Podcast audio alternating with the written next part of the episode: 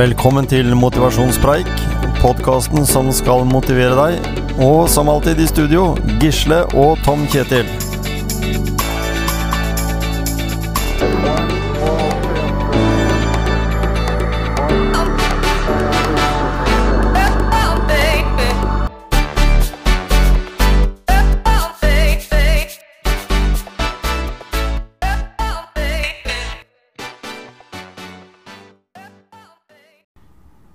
Ja, Gisle, vi eh, greide ikke helt å slippe det her temaet pust vi når vi hadde bonuspreik. Nei, eh, det er jo veldig interessant det med pust. Mm. Og den verdien av det å, å puste, da. Mm. Og da syns jeg at vi skal prate med litt Ikke Vi skal ikke holde på hele, Hele våren. våren, men et par episoder nå. Ja, for Det kan være greit å følge opp det litt.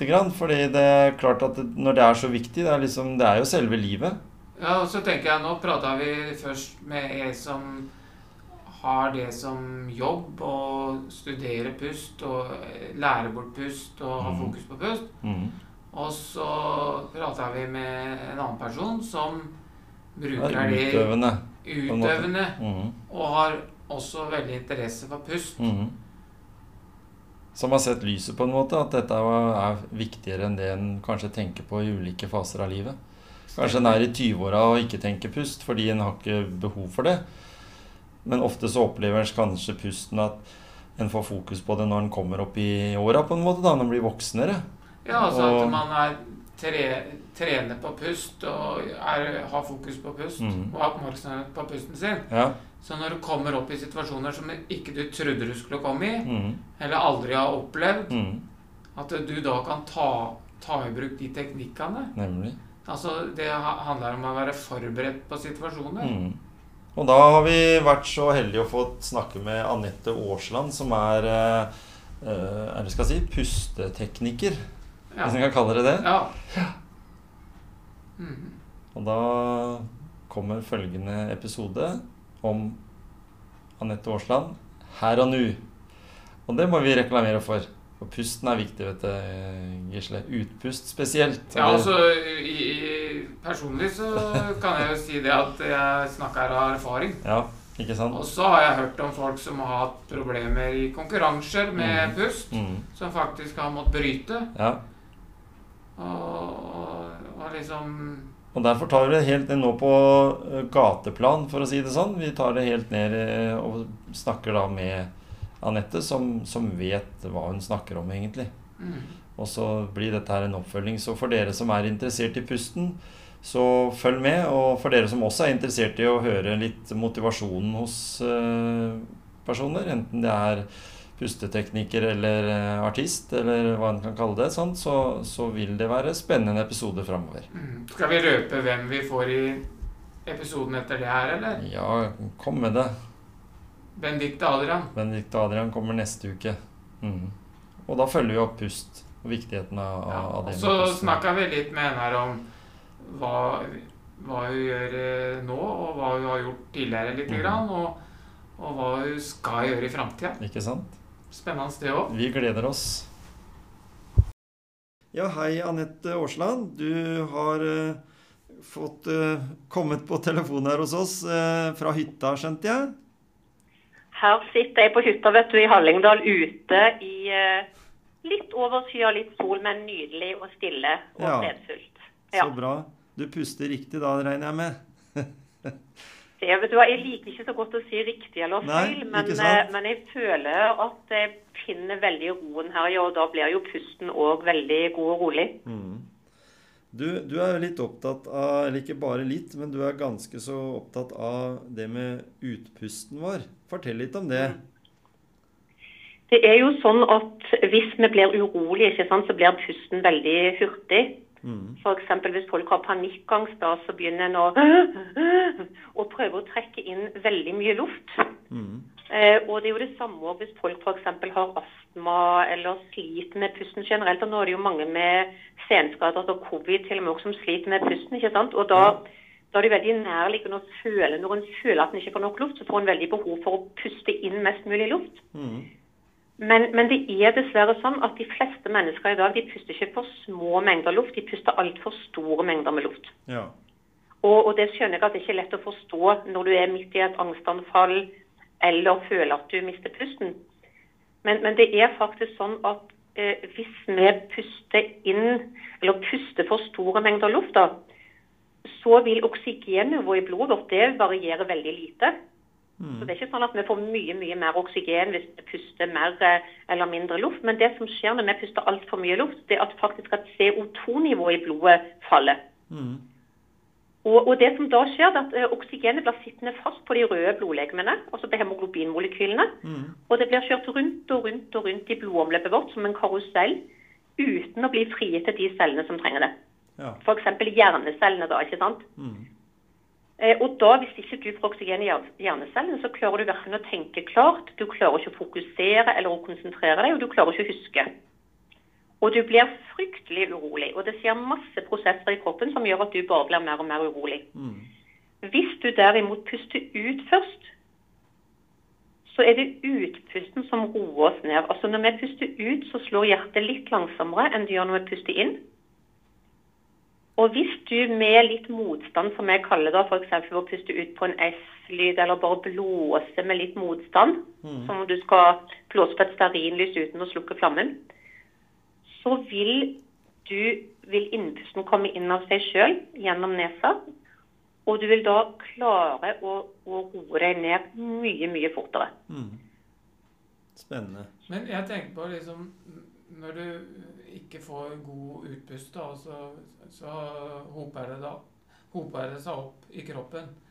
Mm. Vil det gjøre noe sånn fysisk sånn i, med musklene eller noe sånt i forhold til verking eller sånn sitring i musklene? Eller syre, eller du, det, er et, det er et kjempe, kjempegodt spørsmål. fordi at Når vi, når vi hyperventilerer og puster for mye luft, da, så er det jo ikke bare det at vi puster for mye luft, men vi puster ofte altfor hurtig. Og så puster vi oppi bryst og kragebein mm. istedenfor å bruke den primære pustemuskelen, som jo er diafragma eller mellomgulvet. Ja. Og, og vi, vi, får liksom ikke, vi får ikke brukt magen, da, som jeg sier populistisk. ikke sant? Vi puster ikke i magen. Uh, og da vil du, ved å heve og senke skuldre og bryst for hvert eneste åndedrett du tar, så vil du spenne muskulaturen først i bryst, og så går jo det gjennom i brystrygg eller mellom skulderblader, opp i nakke og hode. Så det er jo veldig mange som får f.eks. spenningshodepine eller til og med migrene av å puste overfladisk. Mm. Og ikke minst vondt i nakken og skuldre, som jo er den nye folkesykdommen. Eller ikke ny engang. Den er vel ganske, har vel vært i noen år, det med, med stive skuldre og nakke. Ja, nemlig. Mm. Jeg, jeg, og, så er det jo ja. Og jeg, jeg, tenker sånn Når du, du, snakker om det, så snakker vi om det som også du sier i, i boka, og, og, som jeg har sett uh, du har snakka om på noen intervjuer, at det, dette er jo urinstinkt i oss mennesker, men vi har bare gå med det døgnet rundt nå, istedenfor at vi har det i sånne korte glimt. Ja, og da, og da tenker du på fight or flight, for ja. det er jo Eller det, det sympatiske nervesystemet vårt, mm. det er jo det er jo sympatisk, for det er jo det som har gjort at vi har overlevd våre forfedre. Hvis vi opplever en akutt fare mm. eller krise, mm. så går all energi i kroppen ut i armer og bein, sånn at vi kan enten gå til angrep eller løpe vekk fra faren. Ja. Og, det, og, det, er jo fantastisk når det er en reell fare, så det er superviktig. Mm. Men det er bare det at i dag så vet ikke, vi vet ikke forskjell på om, om det står en bjørn eller en voldtektsmann foran oss, eller eh, om du sitter og har 100 ubesvarte mail, mm. om du bekymrer deg for uh, tilstanden nå med covid-19, om du krangler med din ektefelle, om du har dårlig økonomi. ikke sant? Så Vi blir liksom værende i dette her stresset over lang tid. Mm. Uh, og det er jo det som er farlig. Og det er jo det som har gjort at Verdens helseorganisasjon har jo gått ut nå og sagt at uh, stress er den største helsetrusselen i vårt århundre. Mm. Og det er jo nettopp fordi at når all energi går ut i armer og bein, når vi er i fight or flight, så, så trekker blodårene seg sammen. Pusten blir fort og overfladisk. Og vi kan ikke bekjempe ytre og indre farer på en gang. hvis du skjønner. Vi kan ikke både bekjempe de farene som vi tror da er utenfra, og bekjempe bakterier og virus. Fordi at immunforsvaret vårt blir da satt ut av spill. Mm. Og Derfor er det jo viktig å bruke pusten bevisst for å komme over i motsatsen til fight or flight, som de så fint på engelsk kaller for rest and digest. For da kan kroppen heles. og Da vil blodårene utvide seg, blodomløpet vil øke, lymfedrenasjen vil øke, og kroppen vil bli mer basisk i forhold til sur.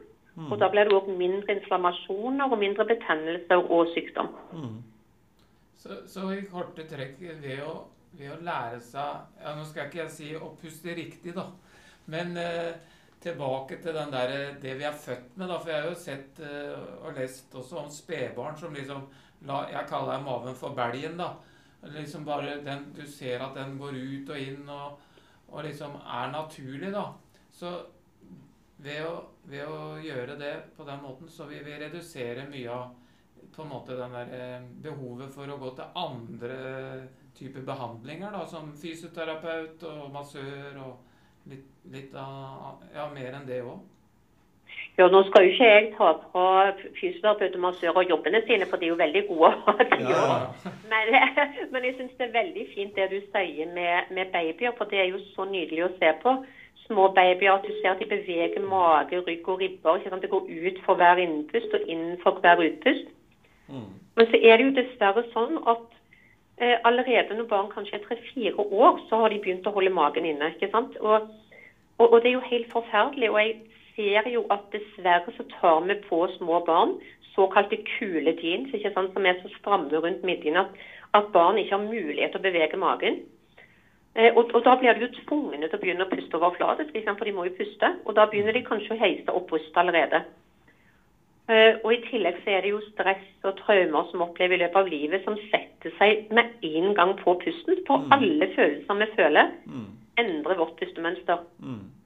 Og det, er litt sånn som du, og det er litt sånn som du skriver i boka også, at, eh, at det på en måte mange barn nå læres jo til å følge sine foreldre. og Sånn har det jo alltid vært. Og hvis foreldrene er på nivå eh, med dårlig pust, da, så, så, så lærer de det også med en gang. Altså fra sånn som du skriver der, fra barnehage- og barneskolealder? Ja, ikke sant. Altså, det, er det, det, er jo dessverre sånn at barn gjør jo ikke akkurat det vi sier nødvendigvis, men de tar etter, mm. sånn som vi gjør. ikke sant? Det er jo klart at Hvis foreldre, da kanskje tradisjonelt sett spesielt mamma, har et veldig hurtig og overfladisk pustemønster, så, så, er det jo nærliggende at barnet vil adoptere det pustemønsteret. Mm. Eh, dessverre. Og så er det jo òg sånn i samfunnet at vi skal ikke ha mager. Ikke vi går og trekker inn magen mm. he hele tida. Og det er jo helt forferdelig. Og jeg husker Kristine Koht skrev en kjempemorsom reportasje etter hun hadde vært hos meg, i den spalten hun hadde i avisa. Der hun hadde et bilde av en dame med en sånn kjempe, kjempesmal midje og kjempestore pupper. Mm. der hun skrev tenk at vi hindrer en livsviktig muskel i å gjøre jobben sin kun fordi vi skal ta oss godt ut. Mm. Eh, og Det er jo det jeg syns er så trist, da, at, at skjønnhetsidealet er sånn. og Det er jo helt unaturlig, det er jo naturstridig mm. at magen skal være flat når vi puster inn. Mm. -hmm. Så, ikke sant? Så tenker jeg liksom, tenker liksom også det med pust, at, at det er jo ikke bare mennesker med angst som som kan utvikle eller trene på pusten sin. Men, men personer med angst, da så Jeg har jo opplevd det sjøl og, og, og slite med å, å, få nok luft ned og bruke maven. Og jeg hadde en følelse av liksom litt mer sånn derre å få angst for å puste på den naturlige måten. For jeg klarte ikke liksom å slippe meg løs. Altså, jeg fikk nesten litt mer angst av å prøve på det, da. Ikke sant? Og Det er et så utrolig viktig poeng du kommer med der. Og Det er jo veldig fint at du sier at du har opplevd det selv, syns jeg. fordi at eh, det er så mange der ute som sliter med angst. Både generell angst og panikkangst. ikke sant? Og, og det er så utrolig viktig at det kommer en åpenhet om det, syns jeg. Mm. fordi at det er det er så mange som sagt, og det er så mange som føler at de er alene. Og, og at det er ingen andre som har det akkurat sånn som de. Eh, og, og det, sier dere, altså det en tradisjonelt sett har gjort da, gjennom mange år ved spesielt panikkangst, det er jo å puste i papirpose. Mm. Ikke sant? Så tenk deg, hvorfor puster en i en papirpose? Jo, fordi at når du har pusta inn og ut i en papirpose, selv om du da puster med din panikkpust, som er veldig fort overfladisk, ikke sant? så vil den lufta inni papirposen vil, bli, vil, inneholde mer og mer CO2 for jo lenger du puster. Mm. Så da vil du automatisk øke CO2-nivået i dine lunger og i ditt blod. Som vil gjøre at du igjen får frigitt oksygen til hjernen, sånn at du klarer å tenke klart og skjønne at det er ingen grunn til å være redd. Skjønner du? Ja. Men det er jo mye mye enklere å bruke lange utpust, eller å roe ned pustemønsteret ditt. Men men det som du beskriver, du, du, vil ikke klare å gjøre det hvis du ikke har øvd på forhånd. Skjønner du? Mm.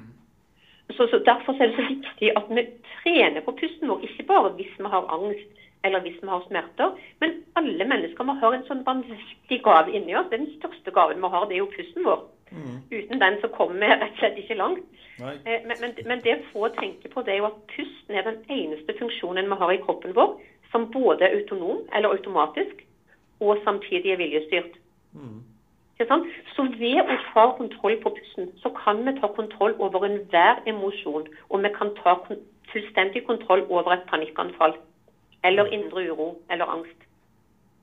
Mm. Ja, og, og ja, Vi, vi snakka jo veldig mye om helhet. da. Vi, vi prata jo en del om idrettsprestasjoner og sånn. Og, og, helhet i, i et sånt treningsarbeid da, med mental, mentaltrening, fysisk trening, ja, bevegelighet. Og så da kommer jo pust også inn der, tenker jeg, for å prestere i en idrett eller i sang.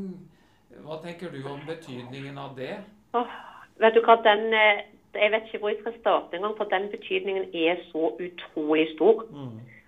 Både til å roe ned og til å bli fokusert, men òg til å være på alerten, altså til å kunne prestere. Ikke sant? Og, og, det de aller fleste Nå snakker jeg ikke om toppidrettsutøvere, men jeg snakker om de aller fleste mosjonister. Hvis du spør dem hva er det som er verst for deg når du trener, hvor er det du blir fortest sliten, så vil nesten alle svare pusten. Mm. Det er veldig få som sier at muskulaturen blir sliten, eller at de får syre før, før de kjenner de pusten. ikke sant? Mm. Og, og, her er det jo veldig veldig mye, mye en kan gjøre. da, og jeg tenker at Første steg for mosjonister, det er å begynne å bevege seg og trene med munnen lukka. Mm. Ja. Eh, for da vil, du, da vil du, altså du vil restituere mye fortere, du vil bruke mye mindre energi. Du vil føle at du har mer energi rett etterpå. Og du vil ikke bli utsatt for like mye bakterier og forurensningspartikler i lufta og kulde hvis du går på ski, da, som kommer ned i lungene. Så du vil, du vil sannsynligvis holde deg friskere og ha et bedre immunforsvar. Mm. Det var et godt tips.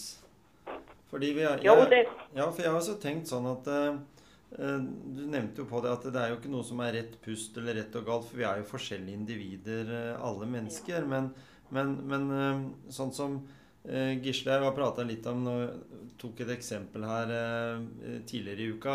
Dette med syklister da, som sykler Tour de France, f.eks. Når de sykler mm. i, de, i, bakkene, da, så ser vi det at de har liksom magen nesten som en belg. Altså ganske tynne. Ikke sant? Og da ser vi det at de har lært seg antagelig da å bruke magen mye mer, fordi det er viktig i en sånn sammenheng. I hvert fall når de da klatrer i fjellene i Frankrike. Så, det, er, det, er, superviktig å ha mm. best mulig motopptak. Å benytte den lungekapasiteten best mulig. Mm. Det, er jo, det, er jo, helt essensielt for at de skal klare å prestere på et sånt nivå. Ikke sant? Og da har de sett de små tingene også som er viktige. Altså, ikke det at pust er en liten ting, men de har også tatt med det. fordi i andre idretter så kan de jo ofte eh, Vi har et sånt her i Grenland så har vi liksom et lite øyeblikk når det gjelder en ting som har skjedd på fotballbanen. Og det var Odd eh, fotballaget her spilte mot Borussia Dortmund. Og, og, de spilte da og leda 3-0 etter 20 minutter. Så det var helt sånn sensasjon i hele verden. ikke sant? Wow. Det, og, og, så, og så blei det sånn Jeg tror det var 3-1 til pause. Ja, og når de gutta, Odde-gutta kom ut på banen igjen, så hadde de så høye skuldre. Eh, som de antageligvis også hadde da eh, sett treneren hadde, for det hadde de òg. Du kunne nesten mm -hmm. se det når du, når du, så de kom ut på banen. De hadde helt endra atferd. Og da, da, var det på en måte mye med pusten at ikke de hadde sittet i pausa og pusta med magen, tenker jeg. Fordi ja. de gikk jo bort og tapte den kampen 5-3 eller noe sånt. Eller i hvert fall. Wow. Så, så allikevel det snudde seg. Men, men, det var jo rett og slett fordi de hadde på en måte gått i fella, da. Tenker jeg. Ja. Men for en utrolig kul observasjon av deg å gjøre, da. Du, du mm. la merke til det, at de ja, ja. var liksom sånn stressa i pausen. For da, da mener jo jeg også at hvis de da hadde satt og virkelig samla seg og, og, sett for seg For det er jo mye med visualisering da, mm. når du skal postere nedover. De hadde klart å se for seg mens de puster rolig at eh, hvilket trekk de skulle ta, eller hvordan de skulle gjøre dette, og at de kom til å vinne. ikke sant? Mm. Så det, det, er nok utrolig mye der, altså. Ja. Men det var jo en prestasjon å lede 3-0. Ja, ja, det, så det i seg sjøl ja, De, de ja. første 20 minuttene er det eneste jeg har sett et, i ettertid. Så alt ja. andre betydde ingenting. Men i hvert fall det der var en av de tinga jeg observerte, og det tenker jeg også Jeg husker Drillo sa jo det Eller spillere som har spilt under Drillo, sa jo også det at han, han hadde fokus på de rette tinga. Så når de kom ut i, i, i andre omgang, så var de akkurat like gode som når de var spilte første. Eh, og det var, er jo noen som har den evnen til det, men, men mye det der å, å, roe seg ned. Det å ikke eh, få det her stresset over seg, for det er jo det som, mm. som, ødelegger veldig mange, både når det gjelder jobb eh, og da idrett, som vi var inne på nå. Tror jeg, i hvert fall. Absolutt. Mm. Jeg, jeg, tenker Det er en kombinasjon av å først roe ned, men så må du jo gire deg skikkelig på akkurat når du skal ut på banen igjen. ikke sant? Mm. Bare, det er jo derfor disse her håndballspillerne fotballspillerne hører sånne heiarop ikke sant? Mm. rett før de skal på og bare tenke at 'dette klarer vi, kom igjen'. ja. Men hvis vi tenker liksom Om ikke det er toppidrett, da, men i det daglige, da, så er det jo veldig mange som så skal de trene litt, og så skal de tøye litt, og så skal de gjøre det, for det er anbefalingene, da. Så, og så skal de i tillegg trene på pust, da, så tenker jeg. Og så er det mange som sier ja, men vi har ikke tid til det, og vi har ikke tid til det. Men, mm. men hvor mye må man trene på pust, og hva er tilstrekkelig, da? Du kan sikkert trene mye og lite, men, men hva tenker du om det? Det, er, utrolig, det er jo et utrolig herlig, herlig, spørsmål. og Det er ikke så enkelt å gi et helt konkret svar. Men vi puster jo 24-7, ikke sant? Mm. Uansett. Så du puster uansett. Så det er ikke sånn De teknikkene som jeg da har lagd, de er jo veldig veldig enkle. Og når en har lært de, så kan en jo gjøre de samtidig som du f.eks. sitter på bussen, eller mm. samtidig som du sitter og jobber, samtidig som du ser på TV, samtidig som du går tur. Så Det er ikke sånn at du må tenke at nå må jeg ha en halvtime fri for å trene pust.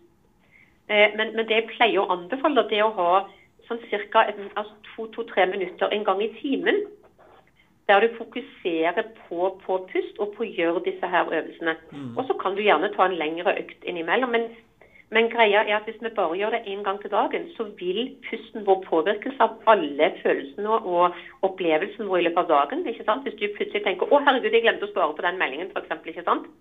så vil pusten din automatisk gå opp og bli hurtig. Og, og det skal den gjøre. Men, men derfor er det viktig at vi ofte eller at vi heller øver ofte og lite, enn at vi har en lang økt der vi øver en gang til dagen. Mm. Så, så, det skal ikke være et ord. Jeg fikk akkurat en mail i går fra en dame som skrev at nå når hun blitt veldig flink i gåseøynene og gjør disse teknikkene veldig Hun har kjøpt dette nettkurset som jeg har. Mm. Og hun sa nå har jeg kommet inn i en rutine, men det beste av alt var at jeg føler ikke at det er et ork. Det er en glede å gjøre dette her. Mm. Og, og, det er jo det som er hele greia. For hvis vi tenker at det er noe jeg må gjøre, så er det så vanvittig mange ting vi må gjøre i gåseøyne i dagens mm. samfunn. Som du var inne på. Vi må trene, sant? vi må bevege oss. Vi må prestere bra på alle plan. Men, men, det å trene på pust skal være det stikk motsatte. Det skal være et øyeblikk der det er faktisk ditt lille, bokstavelig talt pusterom. Der du kjenner at du får en utrolig herlig følelse i kroppen. Mm. Der du kjenner at du blir rolig, du faller på plass i deg sjøl eh, Du blir jorda, rett og slett. Og når vi blir jorda, så tenker vi klarere, vi presterer bedre. Vi blir mye mer til stede mm. i øyeblikket, og vi blir mye mer effektive, ikke minst. Ikke sant? Så vi vil jo prestere bedre på alle plan. Mm. Både i yrkesliv, hjemme. Vi vil klare å beholde roen hvis du har eh, tenåringsbarn eller whatever, eller en ektefelle som, som irriterer deg, sånn, så vil du klare å beholde roen mm. i en mye større grad. Og unngå å bare liksom bli trigga av de følelsene, da. Ja, ikke sant? Og, og så er det, jo, det er jo sånn at uh, i dagens samfunn da, så, så hører vi gjerne at uh, barn og unge de føler seg stressa. da. Og, og, så tenker jeg ja, hva med kanskje legge inn litt sånn pusteavbrekk på skolen eller i gymtimen, eller Ja, vet du hva. Det, det, er min store, store drøm, og det er noe jeg har, har, drømt om lenge. Jeg leste akkurat i går at nå er det én av fire studenter i Norge som har vurdert selvmord. Mm. Ikke sant? I en ny, ny, undersøkelse. Det er jo helt vanvittig. Mm. Og, og, jeg holdt for noen år siden kurs for alle førsteklassene på Oslo handelsgymnas. Det var ganske mange 16-åringer. Og, og jeg spurte i de klassene hvor mange her i klassen har vondt i hodet hver dag. En gang i løpet av dagen, liksom. Og det mm. var så mange som rakk opp hånda. Ikke sant? Og det viser jo at stressnivået er jo altfor høyt. Mm. Prestasjonsjaget er altfor høyt. Mm. Og, og, og, det kan jo det, Jeg tror ikke engang at det er lærerne eller foreldrene som, som, legger dette presset. Jeg føler nesten at de legger presset på seg sjøl. Mm. Så, så det er utrolig mye det går an å gjøre. Og jeg vet jo at pusten her spiller en utrolig, utrolig stor rolle. Mm. Det er det. Og jeg tenker jeg har jobba litt på ungdomspsykiatrisk sjøl, og jeg ser jo det på ungdom ja. som, som, har et veldig høyt stressnivå, som da skaper igjen spiseforstyrrelser, det skaper eh, ja, selvmordstanker. Eh, jeg har jo snakka også jobba mye med eldre mennesker som f.eks. har opplevd sånn som krigen, da. Det er jo mange som ja. fortsatt lever, som har opplevd det på en eller annen måte. Ja, da, da, var det jo fem år i isolasjon, på en måte. Da, eller veldig spesielle omgivelser, i hvert fall. Eh, men det som har endra seg nå, det er jo at Eh, vi mennesker, og spesielt ungdom kanskje, den nye generasjonen som kommer opp, er jo enormt sosial. Og det er jo ikke bare sosiale medier i forhold til bruk av internett, men det er jo også det å treffe hverandre på kafeer, det å møte hverandre.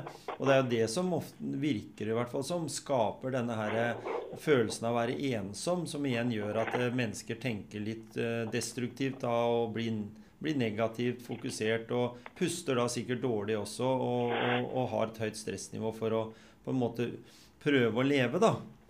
Så, så det er ikke noe sammenligning. Det er vanskelig å sammenligne de to verdenene, for verden vi lever i i dag, er helt annerledes. Helt, og jeg har så sympati med de unge i dag. For jeg tenker på de, hvor utrolig viktige de ungdomsårene er. Sant? Du treffer din første kjæreste, når du treffer nye studiekamerater. Alt dette mm. her og du sitter og snakker eh, om alt i livet ikke sant? på en helt annen måte enn du har gjort mm. som barn. Altså Alle de opplevelsene jeg, jeg, kan ikke forestille meg hvor forferdelig det må være å ikke få lov til å gå på skolen og treffe nye studievenner, ikke sant? Eller være russ. Mm. Eller, det, er jo, det, er jo, kjempetøft. Mm. Ab absolutt. altså. Jeg har, jeg har jo selv år, jeg vet ikke om du vet, men jeg har jobba selv i psykiatrien i åtte år. Mm før jeg, før jeg starta firmaet mitt her. Og,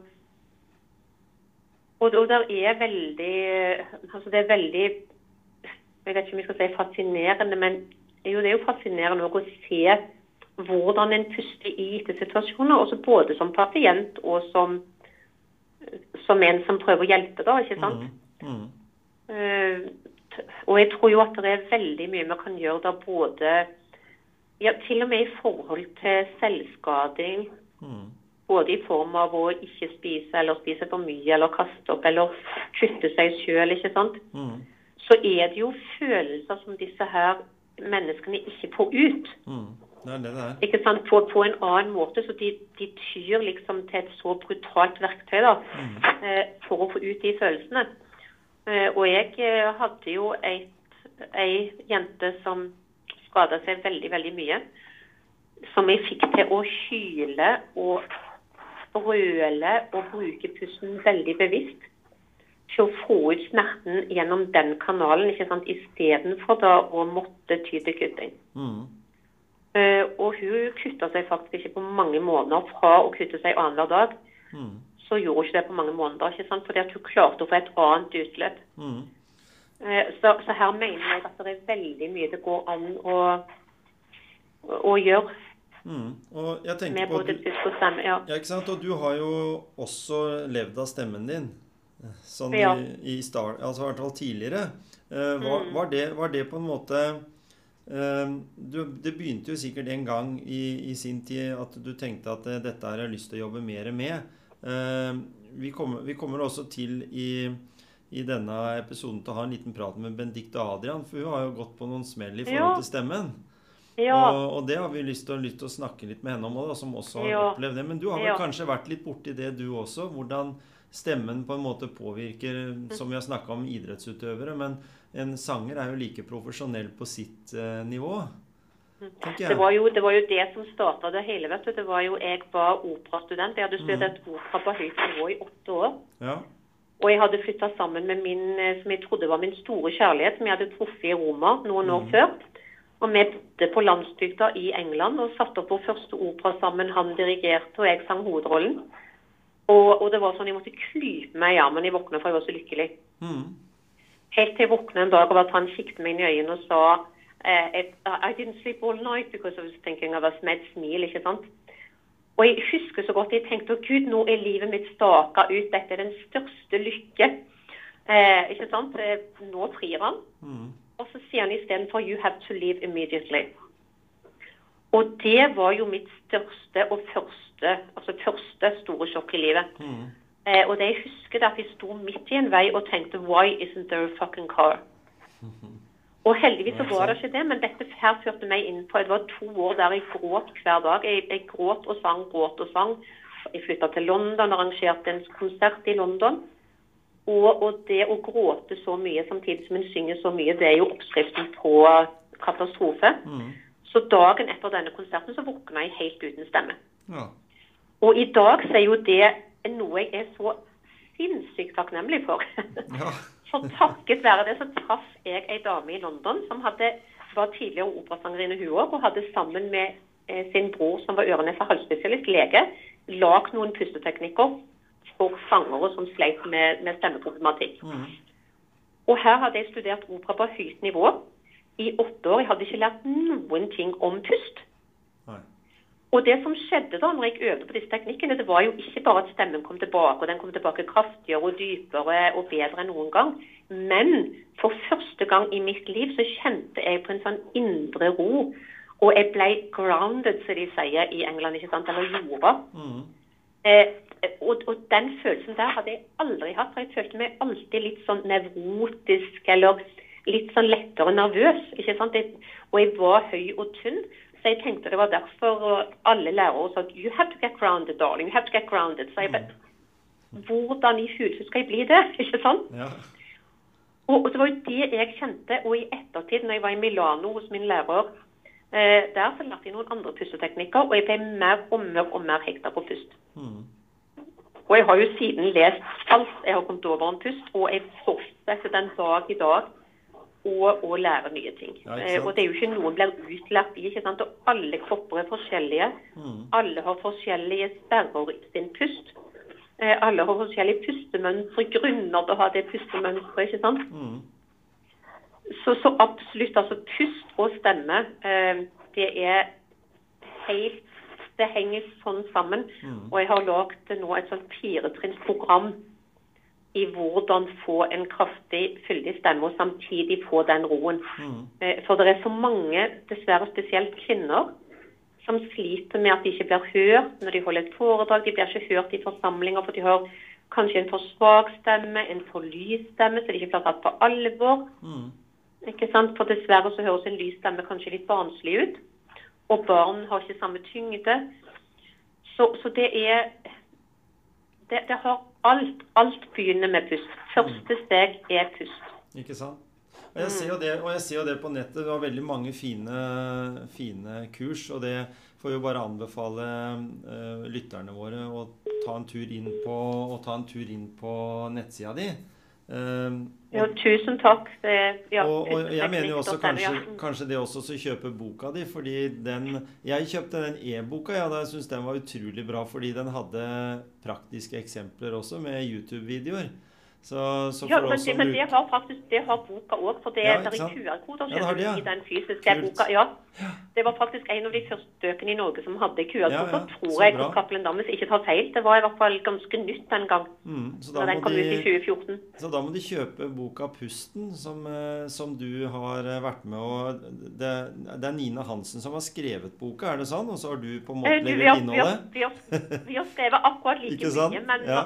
Men, men Cappelen Dam ønsket at den skulle bli skrevet altså, som at det er hun som forteller, da. Ja, ikke sant? Så det var litt rart for meg når jeg skrev da jeg kom til Consensio til Anette, f.eks. Ja, ikke sant? Nei, men jeg syns, jeg syns faktisk det var veldig bra, fordi det gjorde at boka ble mye mer altså ble mer nysgjerrig, da, fordi en fikk historien fra det perspektivet. da, En person som kanskje ikke hadde noe forhold til det når hun kom. For det er jo der vi er ofte i livet. at en liksom, Hvorfor skal jeg velge det? Hvorfor kan ikke jeg bare konsentrere meg? Hvorfor kan ikke jeg høre på en eller annen mindfulness-app eller eh, noe sånt? Mm. Så, så det er jo liksom I og med at du får den tyngden bak som du, som du har fått som erfaring opp gjennom alle de åra du har holdt på med det, og som du sier, du blir aldri utlært fordi du møter nye mennesker med nye utfordringer, og vi er jo ikke vært i den samme støpeskjea alle sammen. Vi er jo forskjellige. Ikke sant? Og det er jo det, er jo det og jeg elsker det. Jeg elsker at du sa støpeskjea, veldig fint uttrykk. Og, og det er jo derfor jeg føler at jeg har verdens beste jobb òg. For jeg treffer jo så mange forskjellige mennesker. Og jeg får lov til å hjelpe så mange med, med et så egentlig enkelt verktøy da, som Ja. alle har i seg sjøl. Ja, ikke sant? Så du har ikke, stort, du har ikke store lagerkostnader, for å si det sånn? Nei, det har jeg ikke. det, det kan du si. Ja, ikke sant? Der sparer jeg, der sparer jeg masse. Ja. Veldig hyggelig å prate med deg. Vi har fått uh, blitt veldig mye klokere på pust. Kanskje vi til og med øh, snakkes sammen når, øh, når vi er ferdig med dette. For jeg tenkte sånn avslutningsvis så hadde jo du øh, Du har litt sånn tanker om det med, med korona. Du har jo hatt sikkert utfordringer sjøl i forhold til måten du driver på, med å treffe mennesker og ikke få treffe mennesker osv. Men, men gjør det noe med oss, dette her med Og da tenker jeg ikke det mentale, men det rent sånn pustemessige. For det, det, det er noen som sier at det, det påvirker lungene våre. At er, de, at det er liksom noe en må dra med resten av livet osv. Er, det- er det tilfellet på, på deg som Nå, har litt peiling på det?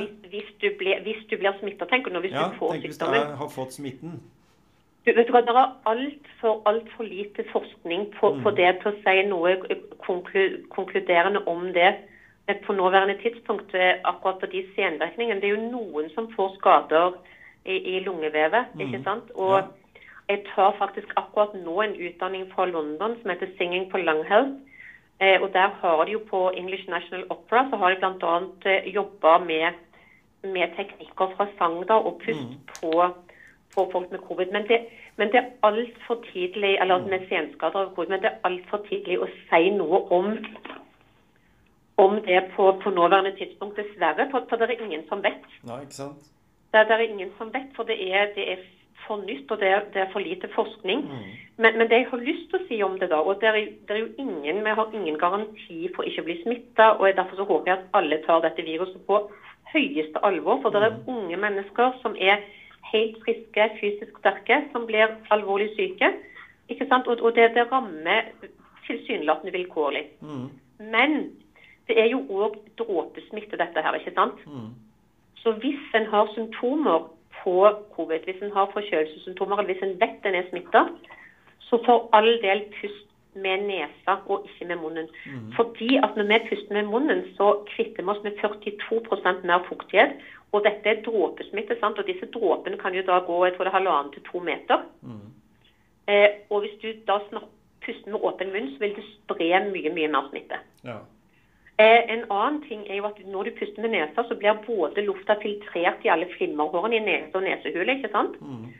Sånn at bakterier, virus, forurensningspartikler, alt dette blir sittende fast på flimmerhårene, og vi puster det ut igjen eh, fortere enn hvis du puster inn med åpen munn, for da går det jo rett ned, og det blir mye større mengder luft som går rett ned Ja, i, i bronkiene og lunger. Men i tillegg så fant vi ut i 2005 at det blir frigitt ørsmå mengder nitrogenmonoksid fra bihulene, både fra nese, nesehull og bihuler. Mm. Nitrogenmonoksid det brukte de mot SARS-viruset i akkurat samme form som ble utviklet for bihulene. Og SARS-viruset i 2003-2004 det var òg et koronavirus. Ja. Eh, Det forskes i dag på om det kan hjelpe med, med nitrogenmonoksid òg mot eh, covid-19. Det, det er heller ikke ferdig resultat ennå. Jeg snakket akkurat med noen i London om dette i går. så det, der er ikke, De har ikke, de har ikke konkludert. Men i hvert fall hvis vi puster med nesen, så vil vi få dette nitrogenmonoksidet automatisk frigitt i kroppen Ja. fra nese og, og bihuler. Hvis vi puster med munnen, så får vi ikke det. Nei. Spennende. Så så vil oppfordre Hvis det er noe vi kan gjøre eh, som vi ikke kan vite 100% om funker, men i hvert fall som det er en sjanse for at det fungerer, så er det når du går forbi folk, og spesielt hvis de nyser eller hoster. Men uansett, prøv å puste langsomt ut og inn gjennom nesen. Mm. Og hvis det er noen som hoster, så prøv å holde pusten akkurat når du går forbi. Ja. Nå, nå la jeg merke til at Tom Kjetil allerede har begynt med lukket munn og bare puster i nesa. Mens du snakker, så øver jeg her, vet du. Ja, og, det, og, og, det, sa- og det samme gjorde jeg. Ja, det var bra. Veldig bra. Veldig ålreit med sånne tekniske måter å, å tenke på. For det har jo liksom bare med hodet vårt og at vi på en måte kan se det litt positive i det òg, da. Den ønsker jo ikke å bli smitta, og den ønsker heller ikke å smitte noen. Og så Nei, tenker vi at sånn. dette her er snart over. Sånn må vi jo i hvert fall ja, du- tenke. Ja, og vet du hva? En av, en, en av de tingene hun fra London sa, det var We're closing, closer to the end than to the beginning. Ja, Og det syns jeg var så utrolig herlig, for vi må faktisk spre litt håp. Ja. Eh, Og det er flere og flere som får vaksine nå. Eh, Vi er mye nærmere slutten enn begynnelsen. Ja, ikke sant? Og vi har lært mye, Ja. da. Vi har lært veldig mye Ja. av dette her. Veldig, veldig, veldig mye. Og jeg tenker planeten har godt av det. sant? Vi reiser mye mindre. Vi finner forhåpentligvis en større indre ro. Mm. Men så er det jo alle disse her unge, selvfølgelig, som jeg forstår veldig godt at, at har det veldig, veldig tøft. Mm. Og da kan kanskje det å trene på pusten være en, en begynnelse til å få det litt bedre. Nemlig, nemlig. Med andre ord, vi, vi skulle gjerne vært det foruten, men vi får bruke det til noe positivt. Ja. Ja, men det er veldig godt at dere òg sier det. For Ja. det sier jeg òg. Så håper jeg det at vi har muligheten til å ta praten om pust eh, kanskje en annen gang. At vi, når Gisle og jeg er igjen på veien, som vi har pleid å være tidligere, og ut og, og treffe folk, ikke bare over, over nettet eller over telefonnettet, sånn som nå. Men det var veldig hyggelig at du ville stille, Anette. Det var kjempebra. Vi har blitt utrolig mye klokere, og nå skal vi sitte her og, og øve når vi er ferdige å prate med deg. Tusen hjertelig takk for at jeg fikk lov til å være med. Ja. Og da, det hadde vært en sann fryd å møte dere i virkelige livet. Ja, Takk for det. det skal vi få til. Ikke altfor lenge. Nei. Ha det fint, da. Ha det. Ha det. Ja. Ha, ha det fint. Tusen takk. Ha det. Ha det.